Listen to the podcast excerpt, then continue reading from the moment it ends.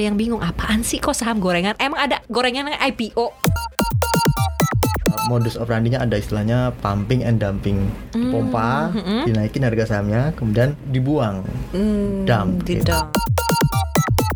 Mau tanya ciri-cirinya mas saham gorengan. Kita tuh bisa cuan nggak sih dari saham gorengan ini gitu? Apa memang ujung-ujungnya tuh pasti akan rugi gitu? kalau anda investor retail mungkin masih bisa cuan Koneksi. Konten Ekonomi. Seksi. Nah sekarang gue nggak sendiri seperti biasa sudah bersama dengan lead researcher dari CNBC Indonesia ada Mas Argun kemudian juga ada lead atau kepala peliputan dari CNBC Indonesia juga Mas Novan gitu. Jadi ada udah ada dua-dua ahli inilah ya gitu. Jadi kita nanya nih tentang konten ekonomi seksi yang lagi diomongin di minggu ini. Soal gue sebut nggak nih? Soal saham Ya, gorengan. Lah. kayak banyak banget nih oh ini saham gorengan ini tentang apa manajer investasi yang ngebelanjain ke saham gorengan gitu-gitu kan. Ini juga jadi keluhan dan jadi trending sebenarnya di Twitter nih. Betul. Ha-ha. Rame banget ya. Rame banget diomongin sama Sobat Cuan. Mungkin Sobat Cuan ada yang udah ngerti Ada yang udah pernah dengar istilah saham gorengan Tapi mungkin ada yang bingung Apaan sih kok saham gorengan? Emang ada gorengan yang IPO Kan gitu kan ya. Apa ada perusahaan gorengan yang IPO Apa gimana nih maksudnya gitu? Gorengannya minyaknya pakai apaan nih gitu. Gimana sih Mas Agun? Jadi gimana nih Masalah saham gorengan tuh apa? Cerahkanlah wawasan kami. Saham gorengan orang bilang juga istilahnya apa ya? Saham berkolesterol tinggi gitu karena kan nggak sehat. Eh, saham gorengan itu istilah yang di Indonesia. Kalau di luar negeri itu nggak ada istilah saham gorengan. Istilahnya mereka hanya saham-saham yang diduga apa namanya terlalu menjanjikan. Mereka istilahnya sweet pink. Jadi Apa kalau sweet pink? ya jadi kalau di Amerika ada istilah blue chip itu saham-saham untuk yang kapitalisasi pasarnya besar saham terkenal BCA Telkom gitu kan. Nah kalau di itu namanya blue chip. Tapi kalau sweet pink itu saham-saham yang tidak terkenal nggak jelas nilai eh, sahamnya kecil harganya dan transaksinya juga jarang. Hmm. nah kalau teman-teman pernah melihat di itu film Wolf of Wall Street itu yang bintangnya siapa tuh Eh, Leonardo DiCaprio. ya eh, kemarin saya itu Iya, iyalah. Itu gitu Nah itu kan dia sedang mempraktikkan uh, modus operandinya itu menggoreng saham. Jadi tadinya dia broker di uh, di perusahaan ya cukup gede, tapi kemudian ya dia didepak ya, kalau tidak salah seperti itu. Kemudian dia mulai merangkak dari bawah lagi, kemudian menarik investor-investor retail, nelpon-nelpon, ini saham A bagus sekali, prospeknya ini itu ini itu, dan dia bisa menarik mereka, dia dapat komisi gede dari itu, dan itu diberikan untuk saham-saham yang itu tidak jelas sebenarnya. Nah, harga sahamnya kecil jadi nilai uangnya para investor retail itu mungkin terbatas tapi karena sahamnya harganya murah, Murah. kecil dia bisa dapat volumenya Beli banyak. banyak Hmm. merasa ini kan kayak wah gue megang saham gede banyak gitu tapi ternyata itu kemudian diturunkan sahamnya jadi itu isti- eh, eh, modus operandinya ada istilahnya pumping and dumping dipompa dinaikin harga sahamnya kemudian dibu- dibuang Hmm, dump gitu. Nah, itu kalau kayak gitu sama nggak apa yang terjadi di Indonesia? Artinya pumping and dumping. Maksudnya modusnya, caranya gitu ya. Sama nggak Mas Argun? sama Sama aja ya. sama praktiknya kurang lebih di, di dunia internasional dengan di kita sama Mm-mm. Kalau variannya mungkin kita tidak secanggih di sana. Tapi karena kan ya mereka produk derivatifnya sudah sangat banyak gitu. Hmm, hmm. kita belum ada produk yang aneh-aneh ya. Produk-produk derivatif itu belum banyak. Eh, cuman opsi saham. Kalau di sana tuh udah aduh nggak jelas lah reverse repo dan sebagainya udah banyak sekali. Nah di Indonesia meskipun kita belum terlalu apa namanya belum terlalu canggih modus operandinya tapi ya potensi merugikan investor pemula sangat besar karena literasi keuangan investor kita tidak tinggi terakhir angkanya 44% gitu literasi keuangan.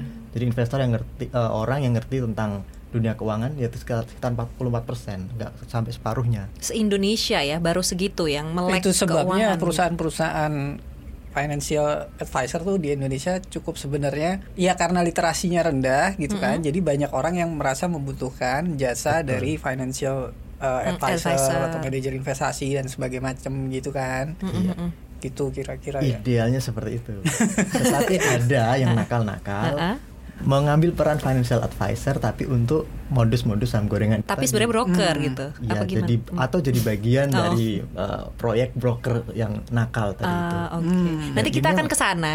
Hmm. Tapi ini kita gali dulu lah ya tentang saham gorengan Iya. ini gitu. Iya. Kan ada beberapa kalau eh, saya baca gitu Mas Argun, ada beberapa lah kasus-kasus sebelumnya gitu kan, kasus asuransi lah Hmm. gitu yang ternyata eh, dibelikan ke saham-saham gorengan gitu. Memang sebenarnya eh, kita tuh bisa cuan nggak sih dari saham gorengan ini gitu? Apa memang ujung-ujungnya tuh pasti akan rugi gitu? Kalau Anda uh, investor retail Mm-mm. mungkin masih bisa cuan. Hmm. Mungkin saya bilang mungkin. Karena gini, kalau praktek pump praktek pumping and dumping itu kan berarti brokernya borong sahamnya dulu. Mm-mm. Ibaratnya gini, kita bertiga lah. Uh, saya uh, broker penjual, Mas Novan broker pembeli, Alin calon korban. Gak enak ya posisi saya di sini ya. Ya, terus terus. Nah, saya sama Mas Novan ini tak- tak- katakanlah kita megang 100 saham dari perusahaan A. Mm-mm. Mas Novan 100, saya 100. Mm-mm. Kalau saya ingin membuat saham A ini naik, bergerak bergerak naik, tidak ada yang ini saham tidak laku gitu ya. Jadi cuman kita yang tra- trading, itu berarti lebih gampang. Saya tinggal jual satu lembar saham, tadinya harganya 50 saya jual 100 ke Mas Novan. Mm-mm. Mas Novan beli, nanti di papan perdagangan tercatat naik, Hmm. 50 eh, apa 100% kan dari 50 ke 100. Mm-mm.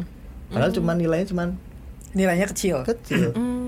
Nah, itu kemudian saya ingin naikkan terus ya gampang kayak gitu terus. Itu namanya pumping. Itu lagi berjalan naik. Hmm. Kemudian Jadi supply and demand-nya tuh dibikin sendiri gitu ya? Exactly. berarti sebenarnya pemegang saham-saham dalam tanda kutip yang dibilang gorengan ini sebenarnya limited ya terbat nggak dimiliki banyak orang sebenarnya Biasanya sehingga gitu. penggeraknya ya orang-orang itu itu juga artinya Hmm. eh, pemainnya ya sebenarnya ya terbatas lah gitu sehingga akhirnya ketika dia di pingpong antara saham mereka aja kan berarti ya Iya. supaya seolah-olah ini saham laris gitu kan kelihatannya dari betul. kinerjanya gitu ada yang jual ada yang beli ada yang jual ada yang beli gitu Betul. Itu Mm-mm. dia.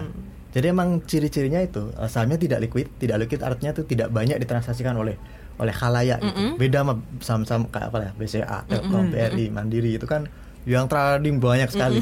Jadi kalau saya membentuk harga itu kalah sama pasar. Karena Iya, cuman berdua gini dika- ya yang lainnya ada jutaan atau ribuan gitu kan. Hmm. Saya mau naikin, yang lain mau nurunin misalnya, mau mau jualan emang karena pingin jual, ya percuma saya berusaha pumping. gitu. Mm-mm. Tapi Nah, kalau sahamnya sepi, nah itu. berarti calon korban ini ter dalam tanda kutip tergiur dengan wih pergerakannya tiba-tiba naik segini nih gitu ya Betul. betul. kemudian mereka masuk tapi ternyata nilainya nggak maksudnya nilainya kecil aja karena tadi kan cuma Ya. antar kita berdua nah ini kan gitu. tadi eh, ini kan kita lagi main rules apa play playing roles tadi ya Aha. tadi ini ada yang mau jual ada yang ini Mas Novan sama Mas Argun udah kong kali kong nih ini korbannya saya jadi gimana disuruh beli aja gitu Iya, jadi setelah Alin lihat, Mm-mm. wah sahamnya naiknya 100%, Tergiur. 200%, tertarik kan? Mm-mm, Nah. kayaknya ini prospeknya bagus nih gitu ya, jadi dalam jangka pendek. padahal padahal nggak tahu ada nggak ada apa-apa nggak ada angin nggak ada, apa angin, gitu ya ada alasan fundamental yang kuat untuk membuat harga saham ini naik misalnya. Kalau perusahaan ini mau akuisisi, gitu kan biasanya nanti kinerjanya bagus, dividennya besar, Iya. laba besar, maka investor juga yakin kinerjanya akan bagus, mereka akan masuk beli. Mm-mm. Kalau ini kan nggak ada kabar berita, nggak ada apa, pokoknya Tahu-tahu kita naik gitu naikin aja. aja. Hmm. Alin tergiur, Alin tidak memahami bahwa sesuatu sedang terjadi Mm-mm. dan tidak mau riset apakah perusahaan ini beralasan sahamnya naik, Hmm. ya kan? Kemudian diajak masuk atau Alin sendiri yang terperosok ikutan beli dan kita kemudian ketika tadi sudah taruhlah harganya udah sampai 500 kita udah naikin dari 50 Alin masuk di harga 500 kemudian kita lepas lepas dengan asumsi ada temennya Alin yang akan beli. Jadi setelah Alin masuk ya kan orang pada lihat wah ini emang harganya lagi menarik nih. Mm-mm. Ikut semua dan ya itu kami kemudian menjual Mm-mm. yang beli Alin atau yang lain Hmm. ikut itu yang jadi korban. itu lossnya di mereka gitu ya jadinya ya Lossnya Iya. di mereka. para Lossnya di mereka karena mereka masuk pada saat harga yang sudah kita bentuk Betul. ya kan gue sama Mas Agun udah bentuk eh, harganya nih sekian sekian sekian terus oh banyak yang masuk nih Mhm. banyak yang ngantri masuk nih ternyata Ngantri. banyak masuk gitu ya udah kita yang ngelepas di situ gitu Iya. itu Dan saya sudah nggak urusan lagi mau naik lagi mau turun terserah. Tapi setelah itu biasanya Alin juga, waduh udah ada yang jualan nih gede nilainya. Kita berdua udah jualan. ikutan Kenapa gede? Karena persentasenya kan kecil yang ju- Iya. yang trading. Maka ketika saya Mas Novan jual mungkin persentasenya 50% dari dari saham yang beredar itu yang yang dijual.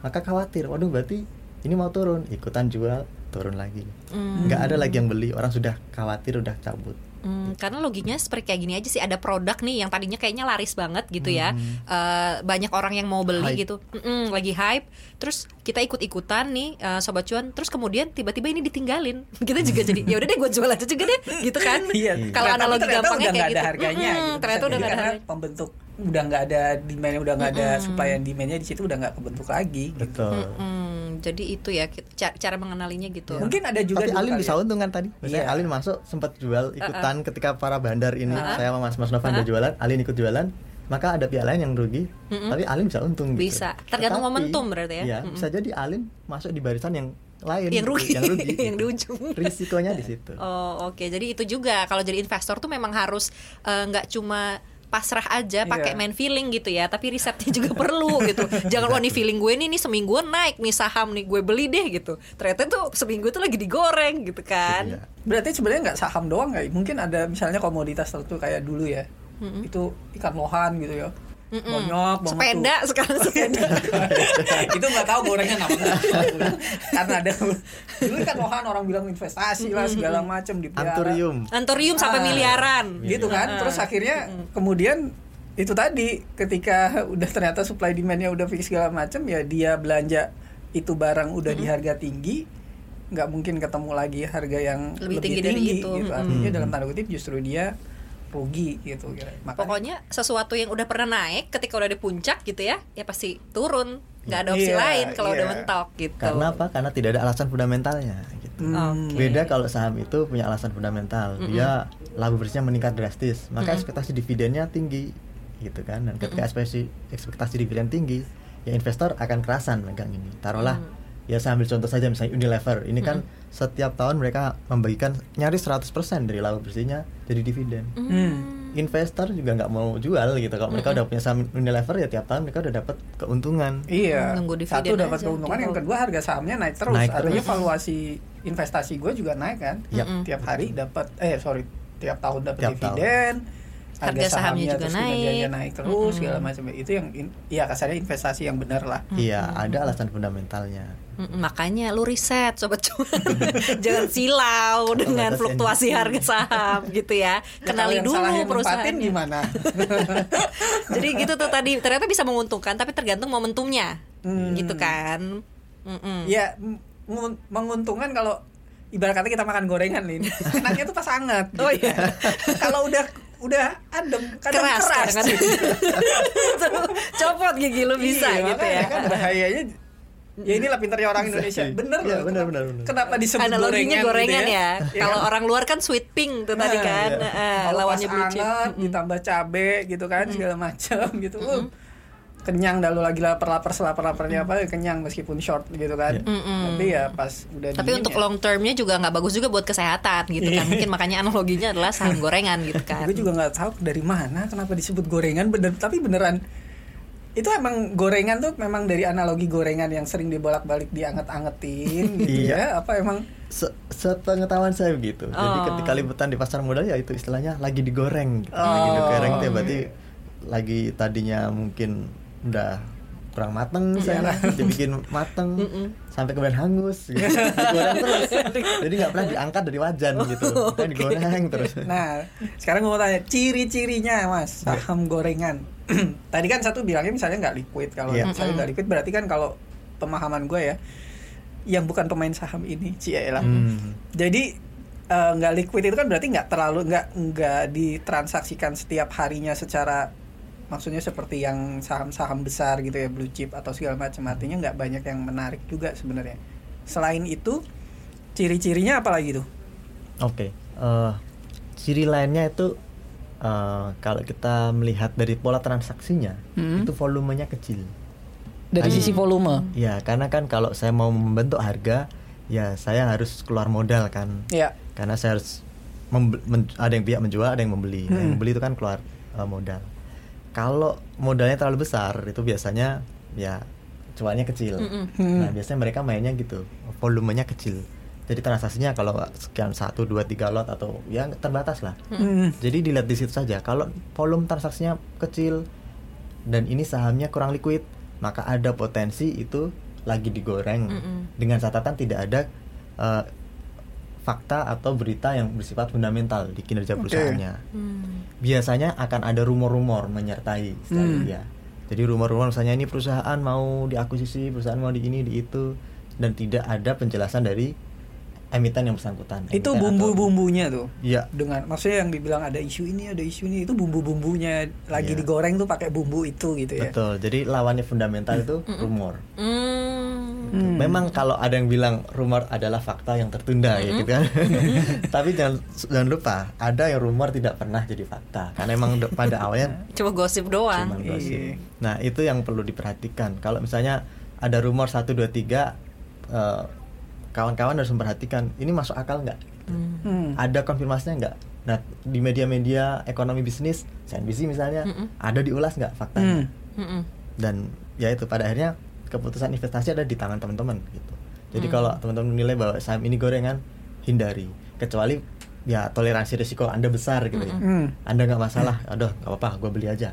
Nanti masuknya mungkin 2-3 hari saya jual ibaratnya gitu. Hmm. Kalaupun cut loss masih bisa, ya itu monggo saja Mm-mm. silahkan gitu. Tetapi ya perlu diperhatikan kalau saham gorengan tidak ada basis fundamental yang eh, mendasari pergerakannya. Hmm. Itu kan kalau misalnya kita beli sendiri gitu ya, kita punya hak penuh gitu akan eh, dana kita mau dibeliin yang mana, kita harus cari informasi sebanyak-banyaknya memang. Hmm. Tapi kalau misalnya kasusnya kita mempercayai dana kita, soalnya kalau Oh. eh, Alin lihat gitu ya, banyak ini adalah manajer investasi nih biasanya yang main saham gorengan. Demen nih gue yang kayak begini. Iya nggak sih kan ada beberapa kasus Iya, gitu kan iya. ternyata gitu dia failed mungkin mereka punya hitung-hitungan nih tadinya eh, Mas Argun gitu kan akan akan masuk di momen yang tepat gitu Iya. tapi ternyata waktu itu sudah lewat gitu atau waktu itu belum ber, ber- terjadi gitu lah nggak tahu lah pokoknya mereka punya hitung-hitungan yang canggih seharusnya gitu kan Eh, ya gitu sampai aja. lupa gua Tanya aja coba lihat. Iya gitu kan kayak kasus Jiwasraya juga kan Iya. Eh, eh, ternyata manajer investasinya membelanjakan di saham-saham gorengan. Hmm. Kemudian kasus apa lagi sih?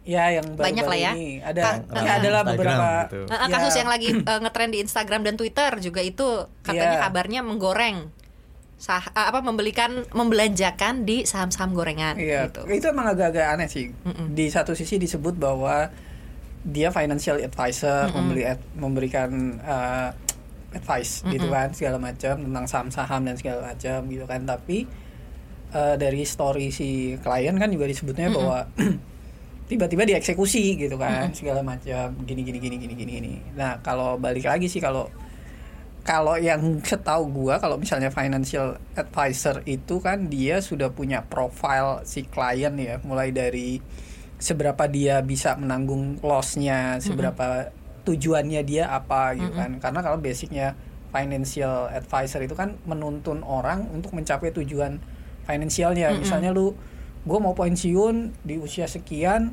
dengan punya rumah dengan punya mobil dan liburan segala macam jadi dia yang seolah-olah jadi ininya. Itu kan profesi yang mulia juga sebenarnya kan Hmm. helping people segala macam Mm-mm. dengan investasinya. Cuma kalau kemudian eh, apa iya mereka bisa terjebak di dalam, dalam Belanja gorengan belanja gitu. gorengan gitu, gitu kan. Jadi karena kalau yang dihubungin lagi misalnya sama yang eh, Mas Argun cerita film tadi Mhm. dia kan juga sebenarnya ngincer selain ngincer harga dari saham itu juga ngincer komisi yang gede kan karena third layer third layer apa namanya saham-saham third layer itu kalau nggak salah pada di di cerita itu bahwa komisinya gede dibandingin saham-saham yang blue chip Hmm. gitu kan ya mas ya Heeh, heeh. Nah, itu gimana sih perannya sebenarnya? Apakah kita, kita ketika kita sudah menye- eh, menyerahkan ke manajer investasi kita nggak bisa make this our, our own decision gitu ya? Untuk oh gue nggak nggak mau nih saham ini gitu. Mm-mm. Hmm. Kayak gimana? Kayak gimana mas? Oke, Eh, gini kalau teman-teman berinvestasi di saham maka kita harus ngikuti eh, sarannya Warren Buffett. Mm-mm. Jadi investasi itu harus rasional. Hmm. Mm-mm. Berinvestasilah ke sesuatu yang anda ketahui. Hmm. Hmm. Jadi kalau anda nggak nge- ngerti saham, jangan investasi saham. Hmm. Hmm. Tapi kalau anda ingin mendapatkan return tinggi, investasilah di saham. Hmm. Hmm. Maksudnya apa? Ya saham itu bisa menguntungkan, tetapi ketahui Iya. eh, cara mainnya di saham, baru anda bisa untung gitu. Nah, rasional artinya ngerti, jadi udah tahu medan. Eh, anda bisa trading sendiri. Jadi sebenarnya nggak perlu jasa financial advisor kalau Mm-mm. teman-teman udah tahu Iya. tentang saham-saham tersebut. Hmm. Belajar dari situ, research dari baca berita dan sebagainya. Tetapi memang ada sebagian dari kita yang mungkin waktunya tidak cukup untuk Hmm. trading sendiri gitu kan. Kalau trading berarti harus mantau pergerakan Mm-mm. detik per detik, jam per jam Iya. gitu. Nah, maka bisa masuk ke jasa manajer investasi Mm-mm. gitu atau financial advisor tadi itu. Cuman jangan jangan jangan lupa ya, kalau kita masuk ke uh, menitipkan dana ke MI, kita harus melihat klausulnya seperti apa. Hmm. Perjanjiannya gitu. Perjanjiannya Perjanjiannya. Karena yang menjebak apa? biasanya di situ. Mm-mm. Dulu pada awal-awal dulu era Bapepam LK sebelum sebelum jadi otoritas jasa keuangan ada pelanggaran yang dianggap wajar yaitu broker itu memiliki klausul untuk menyekolahkan dana nasabah. Mm. Jadi di ada klausul satu klausul berbunyi bahwa broker berhak untuk memperjualbelikan aset milik nasabah itu Oh. atas nama nasabah. Jadi kalau Anda tanda tangan, Anda mengizinkan broker untuk trading saham Anda gitu. Oh. I Dulu seperti itu. Mm-mm. Nah, setelah OJK ada perubahan. Nah, saya khawatir kalau misalnya ini tiba-tiba ada yang mempraktikkan seperti itu gitu. Hmm. Jadi ketika nanti ada kasus seperti yang rame, Hmm. misalnya Anda punya saham tiba-tiba di trading, Anda tidak tahu, Mm-mm. Anda minta uh, dijual tapi enggak misalnya. Hmm, hmm, hmm. Ya, kemudian mereka bisa berdalih kembali ke klausul itu. Anda sudah tanda tangan menyetujui saya untuk memperjualbelikan aset Anda di pasar gitu, atas nama Anda. Hmm. Loss atau uh, atau gain itu kan urusan nanti. Yang penting saya trading atas nama Anda gitu. Hmm. Nah itu pahami dulu kalau anda mau nitip dana KMI, pelajari dulu klausul-klausulnya. Kalau klausulnya aman dan masuk akal dan anda cocok, Mm-mm. lanjutkan karena memang MI sangat membantu dalam hal itu tadi pengelolaan portofolio. Mereka tahu saham-saham yang secara fundamental kuat dan eh, target harganya mereka juga sudah memperkirakan setahun ke depan akan berapa dan perhitungannya rasional. Gitu. Ya, ya, ya. Kalau kita hanya ongkang-ongkang kaki dapat keuntungan itu kan ya tu- mereka kerjaan mereka sangat mulia gitu. Harusnya nggak nggak nggak worry gitu ya. Artinya Harusnya nggak worry. Harusnya makin lebih lebih tenang lah dengan di tangan karena investasi Ya, mereka kita ada di profesional tangan yang gitu. eh, yang yang tepat lah gitu kan dikelola di situ gitu. Betul. harusnya kan Harus. tapi kadang banyak yang bikin stres maksudnya ada Yes. kekhawatiran gitu Mas Argun dengan Yes. kalau misalnya ngelihat kayak Jiwasraya gitu kan segala macam kasus yang sekarang ini Yang J juga I- depannya Jiwasraya. Iya. Jadi kita berpikir jadinya eh, literasinya gitu kan atau apanya segala macam tuh jadi berpikir aman nggak sih sebenarnya gue investasi Mm-mm. kan kayak kayak gitu jadi jadi dalam tanda kutip jadi membuat orang yang tadinya pengen percaya dengan lembaga-lembaga seperti itu jadi mundur nih Skeptis gitu jadinya Skeptis sekarang. gitu kan Mm-mm. Mhm. yang jadi yang nggak tahu duitnya mau diinvestasiin ke mana Iya. Well, harus dipahami juga ya teman-teman ya kalau ada perbedaan antara financial advisor sama manajer investasi. Nah, Ya, ini nih benar. juga yang jadi sa- salah satu pembahasan gimana tuh, ya Mas? gue setuju Iya. itu Mm-mm. Nah, Jadi financial advisor itu mereka tidak melakukan aktivitas pengelolaan dana. Mm-mm. Oke. Jadi mereka tidak mengelola dana Anda, dia hanya memberikan saran dan kontraknya ya eh, mestinya perjanjiannya yaitu mereka mendapatkan jasa pembayaran eh, pembayaran atas jasa mereka, Oke. bukan berdasarkan eh, besaran transaksi. Hmm. Jadi kalau Anda bertransaksi mereka dapat komisi, itu Itu itu, beda. udah jadi broker. Hmm. Ibaratnya keuntungan mereka udah seperti broker. Mm-mm. Kalau broker saham memang mereka mendapatkan keuntungan dari ses eh, dari dari apa jumlah Transaksi. transaksi Anda. Semakin rajin Anda bertransaksi, ya mereka dapat keuntungan dari situ. Mm-mm. Misalnya 0,03% persen dari Hmm. transaksi, Mm-mm. 0,05% persen dari transaksi gitu. Itu yang mereka dapatkan. Makanya di film uh, Wolf of Wall Street tadi Mm-mm. yaitu si uh, uh, kembaran saya itu Ah, dapat Leonardo komisi besar karena dia itu. ya itu ayo trading terus, trading terus komisinya ya itu Hmm. meningkat Hmm. karena kan di pump tadi itu. Mm-mm. Nah, eh, sementara kalau di di MI yaitu mereka ada kontraknya, jadi pembaikan eh, jasa ke jasa mereka seperti apa. Anda harus perhatikan itu dulu, jangan sampai eh, keliru. Jadi financial advisor itu tidak punya hak untuk memberi Anda apa namanya mengelola dana Anda ataupun trading atas nama Anda itu nggak boleh. Hmm. Hmm. Kalau ada indikasi seperti itu itu udah nggak benar. Itu pelanggaran Itu berarti pelanggaran. ya. Mm. Mereka harus ditanya dulu, punya izin nggak? Kalau mereka bisa memperjualbelikan, kalau mereka mau memperjualbelikan uh, saham Anda, mereka harus punya uh, izin namanya BPPPE, Wakil Perantara Pedagang Efek. Hmm. Sementara kalau mereka bertindak sebagai manajer investasi harus ada uh, WMI, Wakil Manajer Investasi, sertifikasinya. Oke. Pastikan mereka punya itu dulu. Kalau mereka punya berarti yaudah mereka berhak menjalankan apa yang mereka janjikan ke Anda. Hmm. Tapi kalau ngakunya hanya financial advisor tapi tidak punya izin dua itu tadi, Mm-mm. maka mereka nggak berhak untuk Mengelola uang. uang Hmm. Anda. Tapi memungkinkan nggak sih untuk satu institusi itu bertindak sebagai keduanya? Bisa. Bisa. Hmm. Jadi kan bisa mengajukan ke OJK. Mm-mm. Jadi ada perusahaan broker misalnya eh, dia punya beberapa tim. Mm-mm. Nah satu orang bisa memiliki dua izin gitu. Tapi itu tidak akan ada konflik kepentingan apa gimana kan? Karena kan ini Selalu goalnya beda nih. ada.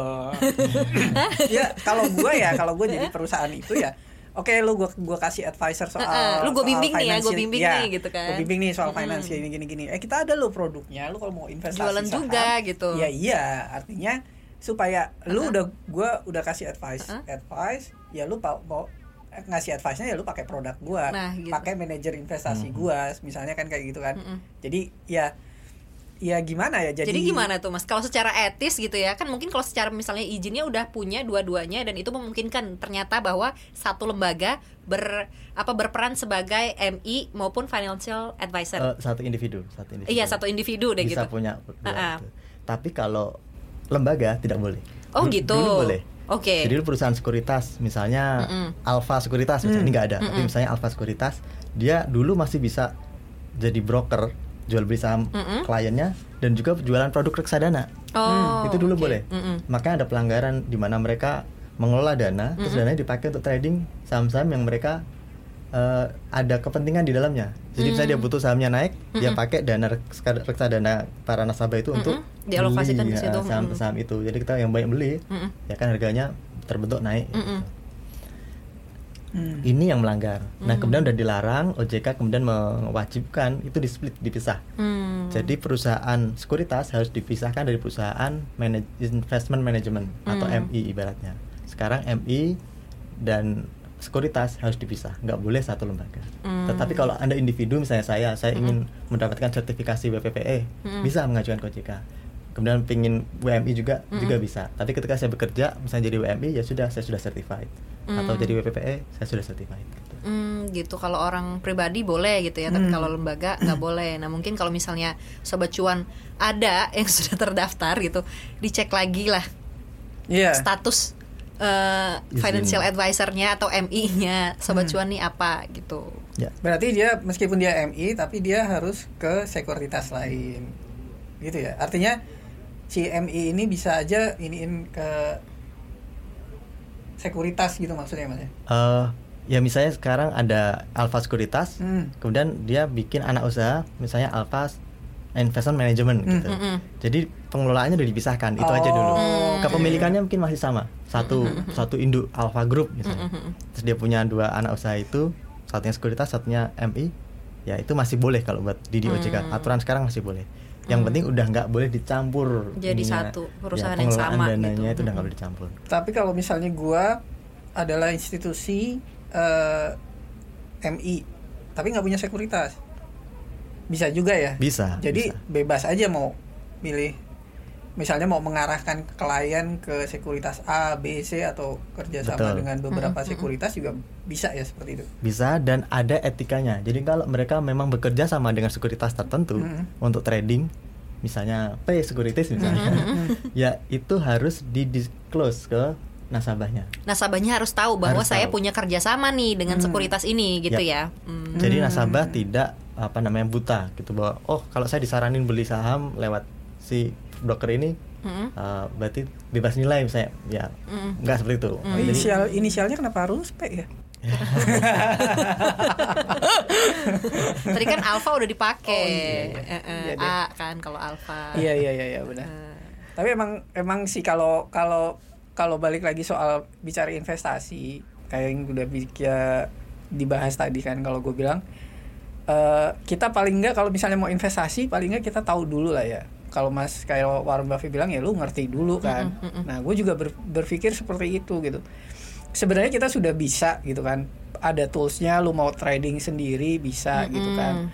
Paling nggak investasi ke diri sendiri dulu lah, belajar sahamnya itu dulu kan Mm-mm. gimana lu ngelola segala macam setelah itu tentuin platformnya mau mau trading sendiri atau mau dititipin ke orang lain paling nggak supaya kita nggak digoreng juga kan betul nggak hangus di belakang. nah nggak digoreng bolak balik udah Mm. paling nggak kalau rugi mah gue tanggung jawabnya sama diri gue sendiri gitu loh. maksudnya wah gue salah nih itu kan pelajaran juga kan Betul. investasi juga wah gue salah masuk gua kejebak nih segala macam gitu-gitu kan jebak saham gocap lah atau apalah segala macam nggak bisa ngangkat Jadi pengalamannya langsung dialami sendiri. Jadi Iya. pelajarannya langsung masuk tuh ke otak. Iya. Kalau langsung praktek kan. udah Kalau gitu kita yang milih gitu kan kalau kita memilih kemudian ujung-ujungnya salah kan paling enggak kita masih legowo lah karena itu pilihan kita gitu tapi kalau misalnya ketika orang lain yang pegang Mm-mm.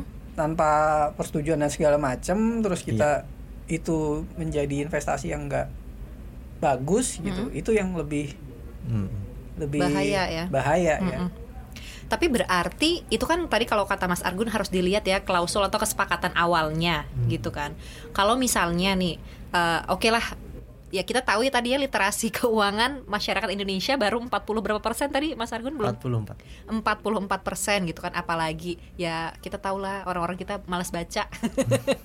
Ya udah deh ya udah aja gitu kan. Kalau ada apa-apa tinggal tanda tangan gitu kan tinggal checklist oke-oke aja gitu. Tapi sebenarnya gitu ya Mas Argun ya selayaknya manajer investasi itu bisa nggak sih trading asal aja mengelola dana kita sebebas itu tanpa ngasih tahu ke kita kalau eh lo gue beliin saham ini ini ini ini ya atau eh saham lo yang di sini gue jual ya gitu gitu mereka itu setiap bulan memberikan laporan. Hmm. Jadi ada laporan bulanan ke kita ke nasabah dan eh, isinya itu apa portofolio yang di dalam eh, ini yang kita miliki gitu. Jadi kita bisa tahu duit kita ditaruh di mana gitu. Hmm. Minimal itu ada kewajiban untuk mendisclose eh, aset-aset yang kita titipkan atau kita yang yang kita titipkan ke mereka tuh sekarang ada di mana aja. Mm-mm. Eh, saham A, B, C, D, E kita udah tahu. Kalau bulan depan tiba-tiba komposisinya berubah dan Anda melihat ternyata ada saham yang aneh di situ, Mm-mm. ya ini memang tidak bisa dipersoalkan karena MI memiliki penilaian sendiri. Oh, saya menilai saham X ini menarik. Sementara buat kita, loh tapi itu kan sahamnya masuk di daftar UMA, unusual uh, market activity itu di, di ba- IDX yang menunjukkan bahwa ini saham aneh pergerakannya. Mm-mm. Kalau Anda merasa, merasa mulai merasa nggak nyaman, Anda bisa ya kendali di tangan Anda. Mm-mm. Pindah aja ke MI lain. gitu. Oh gitu. Jadi eh, hukum MI itu jika tidak sesuai dengan keinginan Anda ibaratnya. Tapi Anda memang tidak bisa berharap bahwa tolong masukin ke saham ini ini ini karena MI itu kan terutama reksadana ya. Kalau reksadana itu kan dia pooling fund. Iya, jadi iya. yang beli banyak gitu. Mm-mm. nggak cuma kita ya Ya, klien. kita kita pengen beli saham Telkom siapa lu kita nggak bisa mengorder gitu ya kecuali kita sahamnya gede eh, dananya gede kemudian itu kontraknya kontrak KPD istilahnya kontrak pengelolaan dana Mm. itu memang kita bisa punya eh, kendali di situ Mm. Pak saya tidak suka saham ini beli saham ini Hmm, gitu. Jadi kita juga harus tahu itu ya. Mungkin. Iya. Ini hak memang dan kewajibannya apa?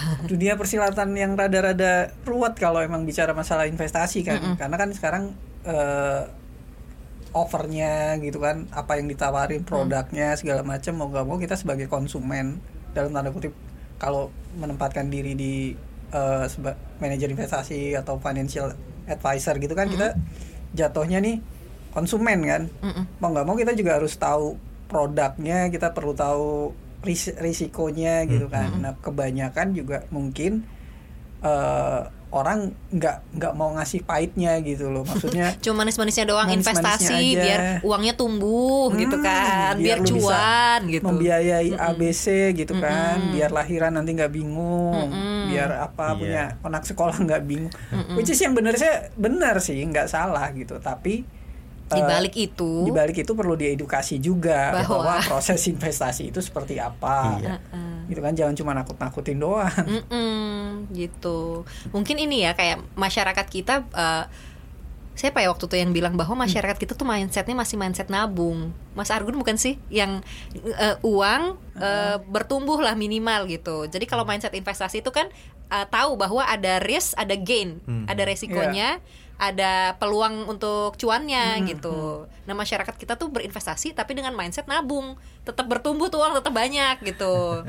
Dan dikesampingkan lah potensi ada resikonya. risikonya Gitu. Ya. Kalau- yang, mm-mm. yang yang sering kejadian itu mereka masyarakat itu mereka ya kayak tadi Mm-mm. eh, mereka egois jadi maunya hanya untung aja ketika rugi mereka tidak teriak gitu padahal mereka untungnya juga melalui praktik yang sama gitu. Mm-mm. Artinya ketika untung mereka nggak mau teriak gitu ya, Diem takut aja. takut dimintain gitu kan. Jadi harus dipahami sejak awal kalau emang Anda menilai bahwa praktik yang salah itu tidak masalah gitu ya. Kalau Anda menganggap itu oke-oke saja, Mm-mm. ya sudah terima risikonya. Kalau untung ya Anda senang, Mm-mm. tapi kalau lagi buntung jangan nggak usah teriak-teriak teriak. gitu. Oh, oke, gua ngerti. Ma- maksudnya adalah ketika lu dapat gain dari cara yang salah, Betul. lu terima. Tapi ketika lu dapat gain, Loss, uh-uh. dapat loss. Heeh. dari cara yang sama juga, Yang salah juga itu. lu teriak gitu. itu aneh. lu Ya. maunya untung doang gitu. sifat manusia ya Makanya agak serakah sejak awal, sejak awal pastikan bahwa prosedurnya itu benar dulu. Mm-mm. Jadi kalau nanti kita lost dan kita teriak, itu teriak dengan dignity gitu Oh, kan. Iya.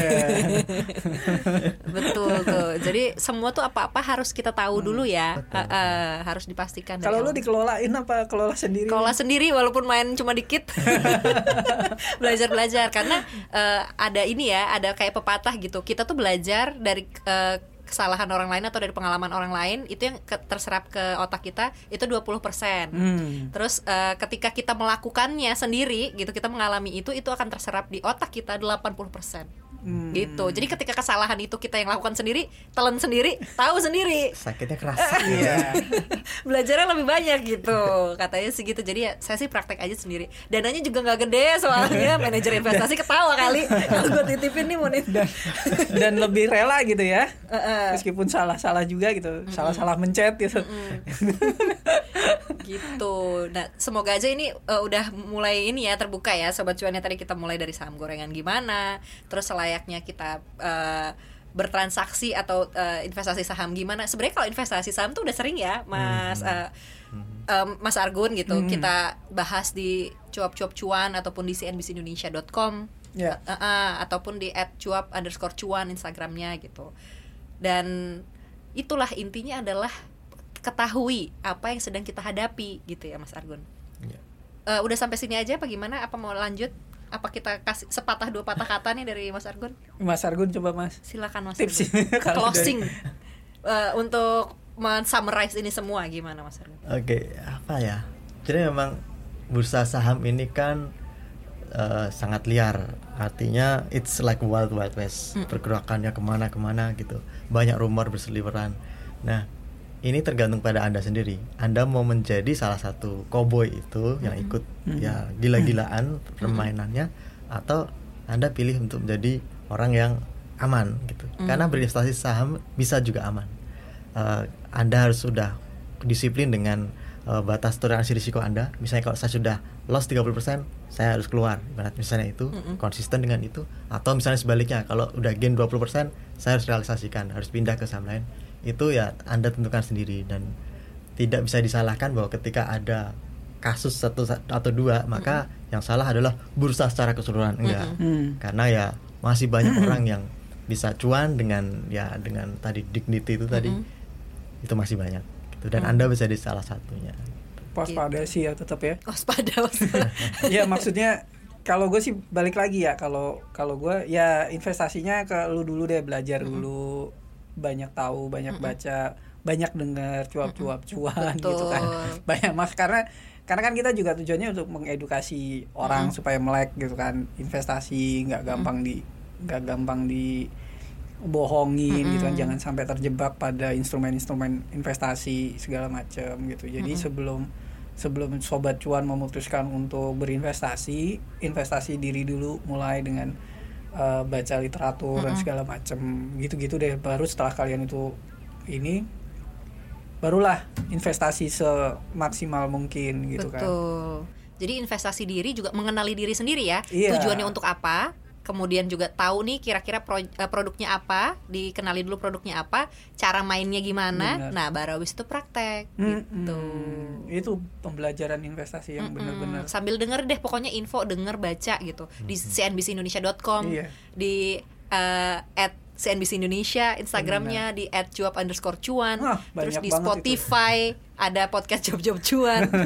Gue sebutin ya semua promo pokoknya ada di situ ya semua ya Mas Argun eh, dan Mas Novan kita sudahi dulu sampai di sini semoga bisa jadi pelipur lara buat ya kalian yang rame di, di sosial media akhir-akhir ini. Sosial media gitu ya. Semoga ini menjadi perspektif tersendiri bahwa memang ketika investasi itu ada eh, gainnya gitu, ada potensi untuk kita dapat cuan, ada potensi juga kita loss alias kita merugi. Tapi bagaimana menghadapi itu semua diserahkan sendiri. Eh balik lagi gitu ke pribadi masing-masing. Itu aja dulu untuk koneksi di pekan ini ya. Kita jumpa lagi minggu depan. Dah. Bye.